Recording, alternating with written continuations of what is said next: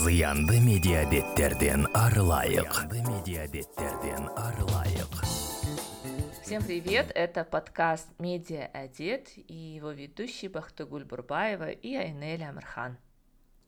Здравствуйте, дорогие наши слушатели!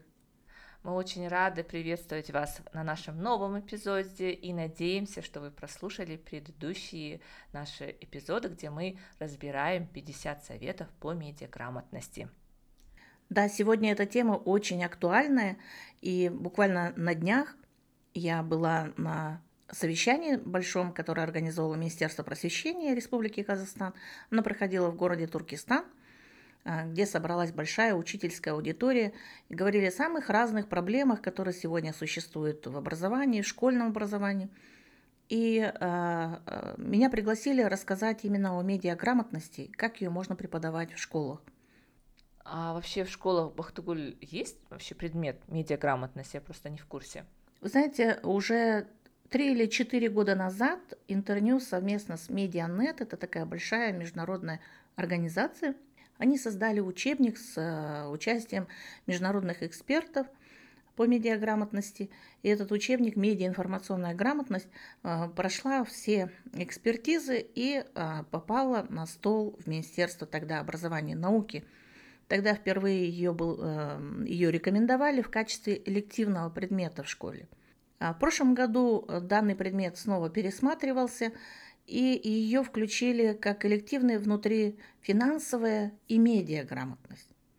И вот в связи с этим мое выступление было связано с тем, что никуда проблемы медиаграмотности не исчезли. Мы продолжаем жить в век информационный и в состоянии, когда постоянная инфодемия, а это, если сравнить с пандемией, это вал просто фейковых э, новостей, фейковой информации.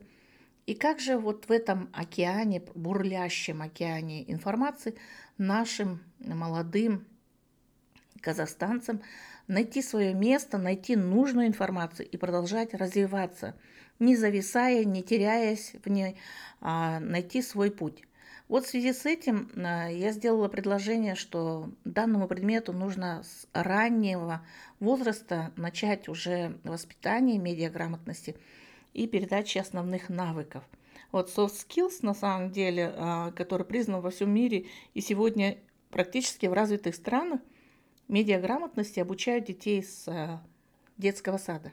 Вы знаете, Айнель, когда, наверное, вы были маленькой, вам родители говорили, Айнель, не разговаривай с незнакомыми людьми, не бери у них ничего, никаких угощений, в том числе конфеты, да? Вот сегодня во всем мире э, вместо вот этих вот пожеланий уже говорят о том, что не иди на поводу э, случайной информации. Так почему же мы своим детям, которые живут в этом же информационном мире, а он безграничный, Информацию сегодня наши граждане потребляют на самых разных языках, потому что мир абсолютно прозрачен и безграничен, и любые языки можно перевести. Вот вы, например, Айнель, на каких языках потребляете информацию? Я в основном на казахском, на русском и на английском. Ну вот видите, вы также можете потреблять на японском, на хинди и так далее, да? Потому что есть переводчики, которые вам позволят перевести эту информацию. И этой возможностью обладают практически сегодня все, у кого есть интернет. У нас в стране есть интернет. Да. Ин- иногда, да, он слабее, чем раньше. Иногда он становится снова э, в нормальном, так сказать, режиме. Так вот, э, мы призываем, чтобы в школьном образовании этому предмету уделялось больше внимания мы просили, чтобы этот прямо отдельным предметом основным преподавался. Но у, у нашей системы образования, я так понимаю, объективно нет таких возможностей сегодня обучить столько э, учителей, а у нас где-то около 7 тысяч школ. Это минимум 7 тысяч учителей надо переобучить, либо э, переориентировать. Хотя мы каждом регионе, бывая в этом году, приглашали на наши тренинги – мы предлагаем обучение, переобучение. Кстати, вот есть опыт, мы в этом в августе месяце провели такой опыт с нашими коллегами-учителями из Кызылординской области, 72-часовой тренинг. Там была и самостоятельная работа, и подготовка, и учителя сами разработали э, планы своих уроков, э, подготовили все материалы к этим урокам и защитились. Уже есть те, кто защитил свои проекты и получают сертификат. Они дальше могут вести этот предмет в школе. К этому могли бы прийти и другие регионы тоже. И мы призываем сегодня учителям, каким бы предметом они ни занимались, уделить внимание медиаграмотности, потому что это основа сегодняшней жизни. Какой бы вы предмет ни преподав... не преподавали, а, вы рассказываете ее, приводя примеры. А, посмотрите, пожалуйста, это произошло тогда-то. Вот этот ученый сделал открытие в такой-то год. Либо вот это уравнение сегодня существует в таком-то виде. Все, вся эта информация есть еще в интернете. Она либо усиливает, либо там преуменьшает. Да? Но самое главное, о ней существует миллионы вариантов. А в одной теореме Пифагора можно найти очень много разных публикаций. Да? И если ваши ученики не будут знать, где взять достоверную информацию, как ее проверить, и не верить всему подряд, конечно же, они к вам на каждом уроке будут заходить и говорить, 2 плюс 2 это 5, угу. и вы вынуждены будете каждый день начинать сначала. Поэтому, пожалуйста, обратите внимание на ваших учеников. Попробуйте им дать soft skills – навыки перепроверки информации, навыки факт-чекить ее или же потреблять нужную информацию, не зависать в интернете, а, делать упражнения для того, чтобы развиваться, пожалуйста, вы можете об этом рассказать на любом предмете. 5 минут, 10 минут вашего урока может быть посвящено именно вот этим soft skills, которые очень важны сегодня детям, а они будущее поколение.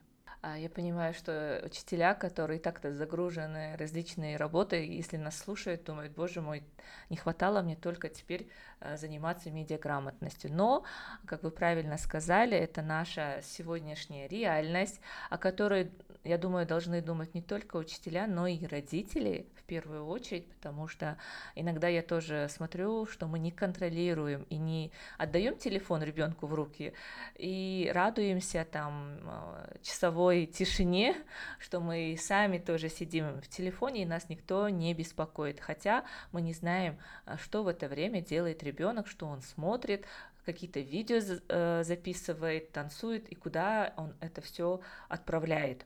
Хочу здесь сказать еще об одной важной эм, вещи. На самом деле все это весь мир понимает, какая проблема в связи с этим валом информации и безграмотность населения. Не думайте, что это только проблема Казахстана или там других стран постсоветского периода. Нет. А, и в Соединенных Штатах Америки, и в Великобритании сегодня существуют огромные национальные проекты, которые разрабатывают новые программы как поднять уровень медиаграмотности. Они тоже страдают от потока фейков. Они тоже страдают от того, что не могут сразу охватить все свое население. Кстати, об охвате населения я хотела привести такой пример. Я же все-таки учитель истории первоначально, поэтому я хотела рассказать вам пример о том, что история, она всегда развивается по такой э, спирали, да, есть такая теория. Э, поэтому сто лет назад, прямо на этом же витке, Наши алашардинцы боролись за независимость Казахстана с помощью развития грамотности населения. Они считали, что если население не будет грамотным, то тяжело будет отстоять нашу независимость. Сегодня независимость Казахстана очень напрямую связана с медиаграмотностью. И если посмотреть вот в этом ключе, то этот предмет означает и патриотизм, и а, борьбу за национальную независимость. Почему? Потому что наши граждане сегодня на поводу информации иногда забывают, в какой стране они живут. Они борются за чужие идеалы. Пожалуйста, вернитесь все, вы все казахстанцы. Не зря президентом в этом году подписана информационная доктрина. И все пункты, конечно, я не могу говорить, что я полностью изучила и а, поддерживаю все эти пункты, но один пункт я полностью поддерживаю и двумя руками за это голосую. Это пункт 3.3, а, где он говорит что в своем видении, чтобы а, информационная безопасность страны была обеспечена, прежде всего население должно быть медиа-информационно грамотным. Бахтыгуль, э, прям э, очень интересно знать, что у нас есть такая доктрина, что уже на государственном уровне об этом говорят. А, но все-таки я хотела бы спросить, вот вы говорили про этот учебник, а, который разработал Медианет совместно с а, Интерньюз, да. А есть ли этот учебник в открытом доступе? И если есть, где его можно найти? Вы можете найти ссылку на, пока, так сказать, он хранится на облачных сервисах, этот учебник на казахском и русском языке. К нему также разработано нашей командой а, методическое пособие, в котором практически разработки уроков по всем темам сделаны. Сегодня, если кто-то говорит о том, что делаются новые проекты для разработки силабусов по этому учебнику, откройте методическое пособие и посмотрите, там есть большие подсказки – и подспорье для каждого учителя. Сегодня на самом деле вообще не проблема подготовиться учителю, э, имея на руках ссылки через наш сайт. Пожалуйста, заходите techmediasawat.kz и узнавайте, где лежит этот учебник в электронном виде. Да. Мы, мы даже использовали некоторые разделы этого учебника в подготовке нашего подкаста. Я бы хотела бы сегодня обратиться к нашим учителям, к системе э, образования и призвать уделить этому предмету, этим знаниям, soft skills ваше время, внимание. Вы можете переподготовку пройти, э, также записавшись к нам на курсы Министерство просвещения точно также может к нам обратиться для того, чтобы мы с вами сколлаборировались. Есть система переподготовки, есть институты повышения квалификации, есть, в конце концов, НАО имени Алтынсарина, а, это Академия образования. Давайте работать вместе ради блага нашей страны. Ну, давайте на этой позитивной ноте завершим наш очередной эпизод подкаста «Медиа одет». А, я лишь напоминаю, что у нас эпиз... А, подкаст выходит как на русском, так и на казахском языке. Пожалуйста, если вы владеете этими языками, а, пожалуйста, прослушайте все наши эпизоды, делитесь с друзьями, с коллегами, с родными.